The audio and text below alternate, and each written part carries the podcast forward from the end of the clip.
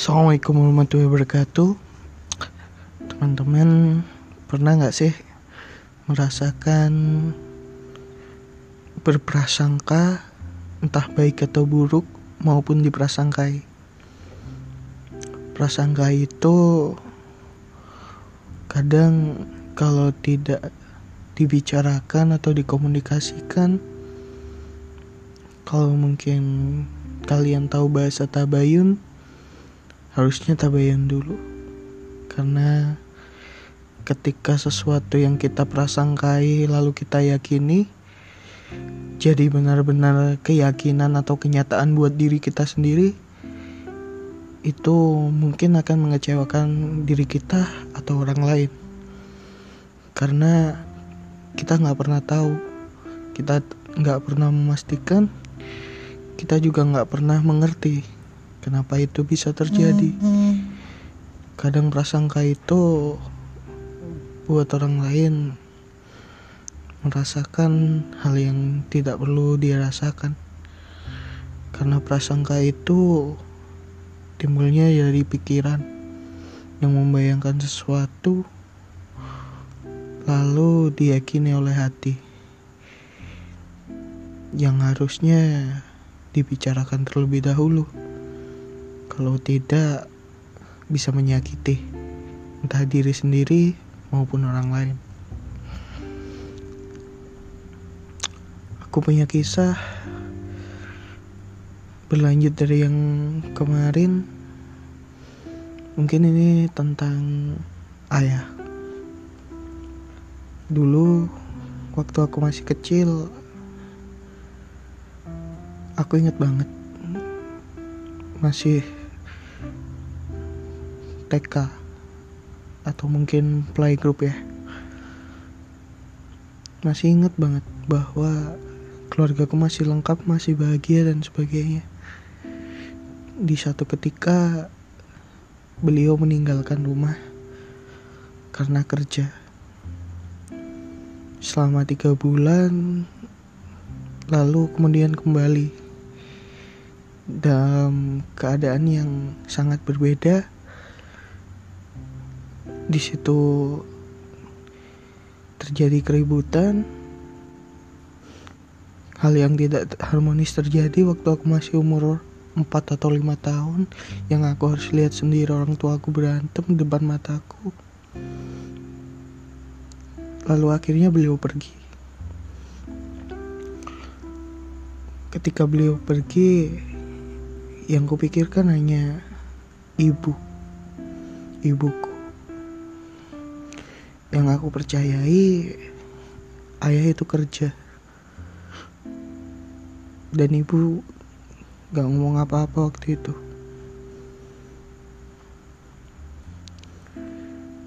Ibu terus bekerja menggantikan ayah.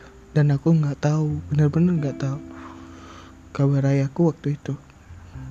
Lalu kemudian Ketika aku bertanya, ayah di mana? Kok nggak pulang-pulang? Ibu cuma terdiam, lalu berkata, ayahmu pergi, nggak bakal kembali lagi. Mungkin sudah meninggal. Di situ prasangka burukku mulai berawal sebuah prasangka bahwasanya seorang ayah meninggalkan tanggung jawabnya pergi dan tak akan kembali lagi. Yang kupikirkan ayahku membenciku waktu itu. Dan aku tidak berpikiran bahwasanya kenyataannya itu sebaliknya. Karena aku sudah meyakininya, karena aku sudah berprasangka buruk padanya, Kemudian hatiku mengiyakan. Lambat laun, ketika aku sudah mulai beranjak besar, ketika aku sudah dibawa ke Surabaya karena aku hidup di desa. Di Surabaya, aku mulai hidup baru dan ketika aku mulai bersekolah, nama yang aku sandang, nama belakang yang aku sandang dari nama ayahku, aku buang jauh-jauh. Karena kupikir memang dia sudah tak peduli sama aku. Dan kupikir itu kenangan yang tidak perlu dikenang kembali. Karena seseorang pemimpin, ketua kepala keluarga meninggalkan tanggung jawabnya dan aku tak pernah menganggapnya ayah. Aku menganggapnya udah meninggal. Meskipun aku juga tahu bahwa kemungkinan dia masih hidup dan dia sedang melakukan sesuatu di luar sana. Lompat di, di satu kisah ketika aku sudah tidak memikirkannya lagi ketika semua keluargaku baik-baik aja ketika ibu bapakku ibuku udah menikah lagi dengan ayah tiriku dan sekarang hubungannya sudah tidak berhubungan lagi mungkin ketika kemarin beberapa tahun lalu waktu aku masih awal kuliah di awal semester aku mendapatkan kabar buruk sekaligus informasi yang sangat menarik. Di satu malam, tiba-tiba ada yang mengetuk pintu. Mengetuk sangat keras, kemudian membuka pintu, dibukakan oleh orang tuaku, ibuku tepatnya. Lalu kemudian tangis air mata berderai di waktu itu. Aku berdiri Aku beranjak emosi karena aku lihat wajahnya mirip sekali dengan apa yang pernah ada di foto waktu itu. Aku mengenal sekali wajahnya dan itu foto aku masih kecil bersama kedua orang tuaku. Kupikir dia ayahku. Ternyata dia adalah adik ayahku yang diinformasikan oleh orang-orang bahwa dia ayahku yang bekerja di luar pulau. Waktu itu tepatnya di Lampung. Dan aku tahu info itu. Karena aku juga mencari kabarnya bagaimana. Singkat cerita, aku berdiri. Aku pun menahan emosi Kemudian ibu berteriak. Kupikir berteriak apa, tapi ternyata ibu berteriak nama lain. Bukan nama ayahku. Dan di situ aku tersentak bahwasanya dia bukan ayahku. Lalu ku tahan lagi emosiku. Dia duduk, keduanya duduk.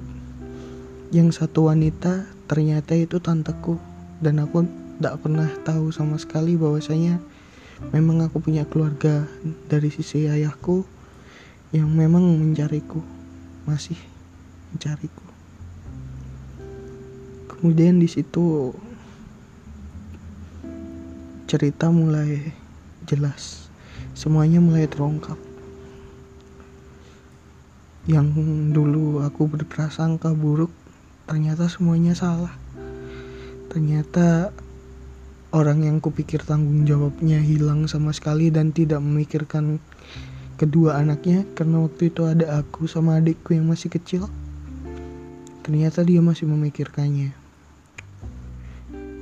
Kala itu memang bukan karena selama selama 20 tahun hampir 20 tahun lebih dia meninggalkan aku. Sekitar 20 tahun sekitar 20 tahun waktu aku masih kecil dan adikku masih benar-benar baru bisa berjalan. Ternyata di antara waktu itu bukan dia sama sekali tidak berusaha mencari tapi dia benar-benar mencariku namun ditahan oleh ibu. Supaya tidak terjadi hal-hal yang tidak diinginkan Lalu memang karena ibu menginginkan semuanya memang sudah berakhir ya sudah. akhiri saja, jangan diteruskan. Ibu menghentikannya beberapa kali untuk menemuiku. Dan memang benar-benar aku nggak tahu wajah ayahku yang saat ini sampai omku tadi datang. Ketika dia udah duduk, dia berbicara dengan ibu, lalu berbicara denganku dan adikku sambil menahan tangis. Dia menceritakan bahwa ayahku beliau sudah tidak ada dan sudah dikuburkan dan aku tidak pernah tahu sama sekali apa penyakitnya. Dia cerita sambil menangis, dan aku pun cuma bisa terdiam.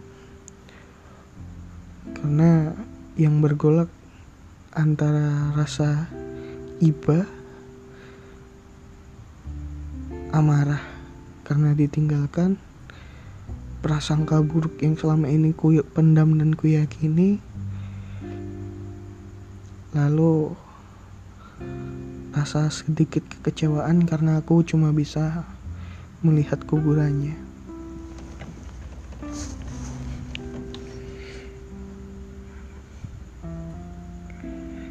Kemudian dari ayah ternyata beliau sangat mencintai kami, sangat mencintai aku dan adikku sampai-sampai aku dengar cerita beliau menikah lagi dan ada keluarga di kota lain di Jakarta tepatnya. Aku di Surabaya. Sampai diceritakan sangat detail bahkan orang tua di Jakarta itu tahu aku. Dan aku tak tahu aja orang tuaku yang di Jakarta ini karena ayah menikah lagi. Dan aku tidak tahu sama sekali ada kabar seperti itu. Ibaratnya karena aku berprasangka beliau sudah meninggal itulah yang aku dapat. Aku dapat info informasi bahwasanya saat itu dia udah meninggal. Dan baru saja meninggal bukan dari dulu meninggalnya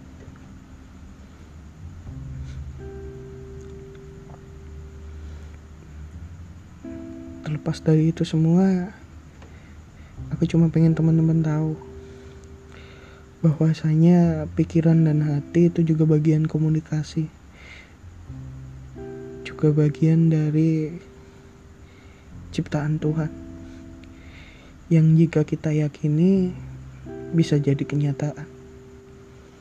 Ketika pikiran itu buruk diyakini oleh hati kemungkinan berpengaruh dengan perilaku kita. Kalau ucapan saja doa, apalagi pikiran dan hati, yang keduanya saling meyakini satu sama lain. Dan jika kita belum berbicara, belum bertabayun, belum mengkonfirmasikan sesuatu, mohon dipendam. Rasa kecemburuan, prasangka buruk, prasangka yang salah, apalagi sampai diyakini hati, kemudian kemudian kalian bikin kesimpulan sendiri terkait apa yang kalian pikirkan dan kalian rasakan. Jangan sampai kalian jadi sepertiku ketika berpikiran buruk lalu ku yakini lalu ku pegang keyakinan itu tanpa aku ingin mengkonfirmasikan apa benar tanpa aku ingin mentabayunkan hal itu kepada orang yang bersangkutan. Akhirnya aku mendapat kekecewaan yang berlipat. Aku kecewa karena kesalahanku berpikir dan keyakinan hatiku dan aku kecewa kedua kalinya karena prasangka aku jadi kenyataan. Yang awalnya mungkin bisa diperbaiki kalaupun aku benar-benar mencarinya kemudian menanyakan apa benar? Apa benar kejadiannya seperti itu dan seperti ini? Maka nggak akan terjadi hal seperti ini. Dan inilah yang aku dapat. Dari semua prasangka burukku adalah kenyataan yang sangat pahit yang barusan terjadi. Mungkin kalian bisa ambil pelajaran dari sini bahwa tidak semua yang kalian yakini terhadap orang lain itu benar. Belum tentu orang lain itu baik karena dia terlihat baik dan belum tentu juga orang lain itu buruk karena dia terlihat buruk. Bisa jadi seorang pencuri pun punya alasan untuk apa dia mencuri. Dan bisa jadi seorang yang alim pun punya motif tertentu kenapa dia bisa jadi seperti itu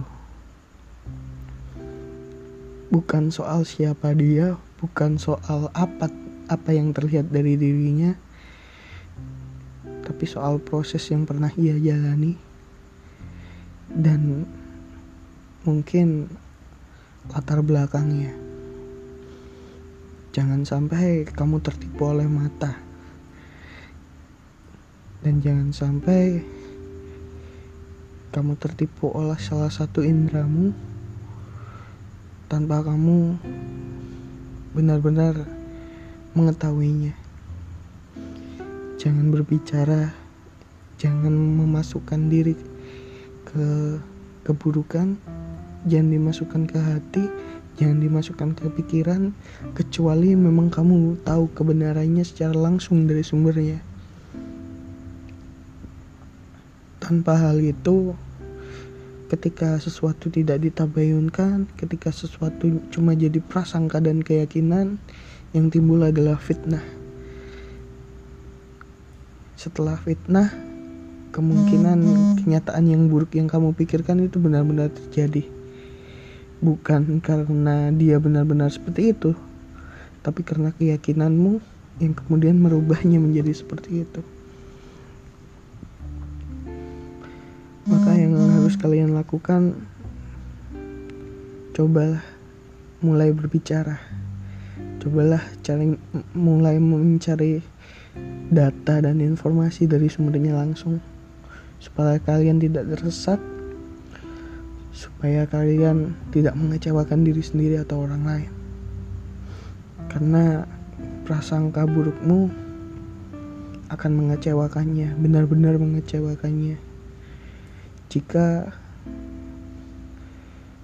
sebenarnya alasannya adalah alasan yang baik atau motifnya adalah motif untuk kebaikan cuma caranya aja yang salah. Kadang sesuatu tidak bisa langsung dibengkokkan.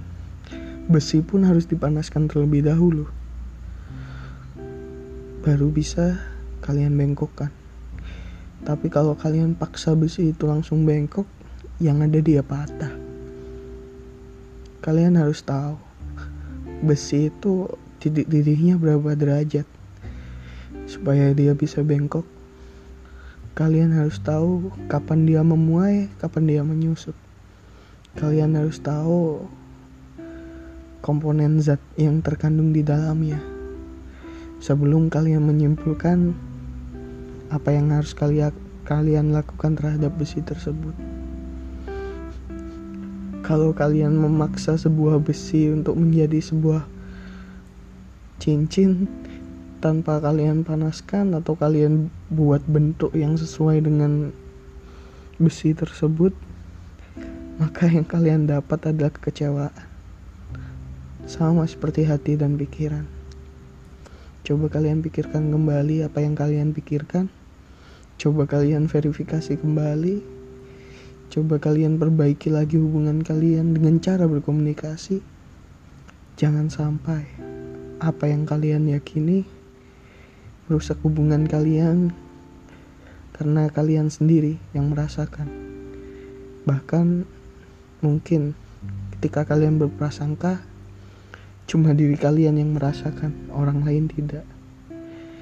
Dan mungkin ketika kalian tidak membicarakannya dan tidak mentabayunkannya, maka yang kalian dapat adalah kekosongan yang tidak ada kebenaran di bang, di, di belakangnya.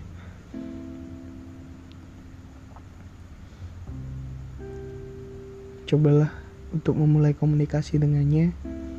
Cobalah tanyakan langsung apa alasannya. Kalau memang kalian bisa perbaiki, silahkan diperbaiki. Kalau memang kalian sudah tahu kebenarannya seperti apa, baru kalian ambil tindakan. Tuhan menciptakan mulut, mata, telinga, dan hati. Kemudian akal, pikiran, itu untuk kalian gunakan untuk sesama, bukan untuk diri kalian sendiri yang kemudian merusak hubungan kalian sama orang lain. Mungkin cerita ini bisa mengingatkan kalian sedikit agar jangan lupa melihat berbagai sudut pandang sebelum memutuskan sesuatu, lalu mencari kebenaran langsung dari sumbernya. Jangan takut mencari kebenaran.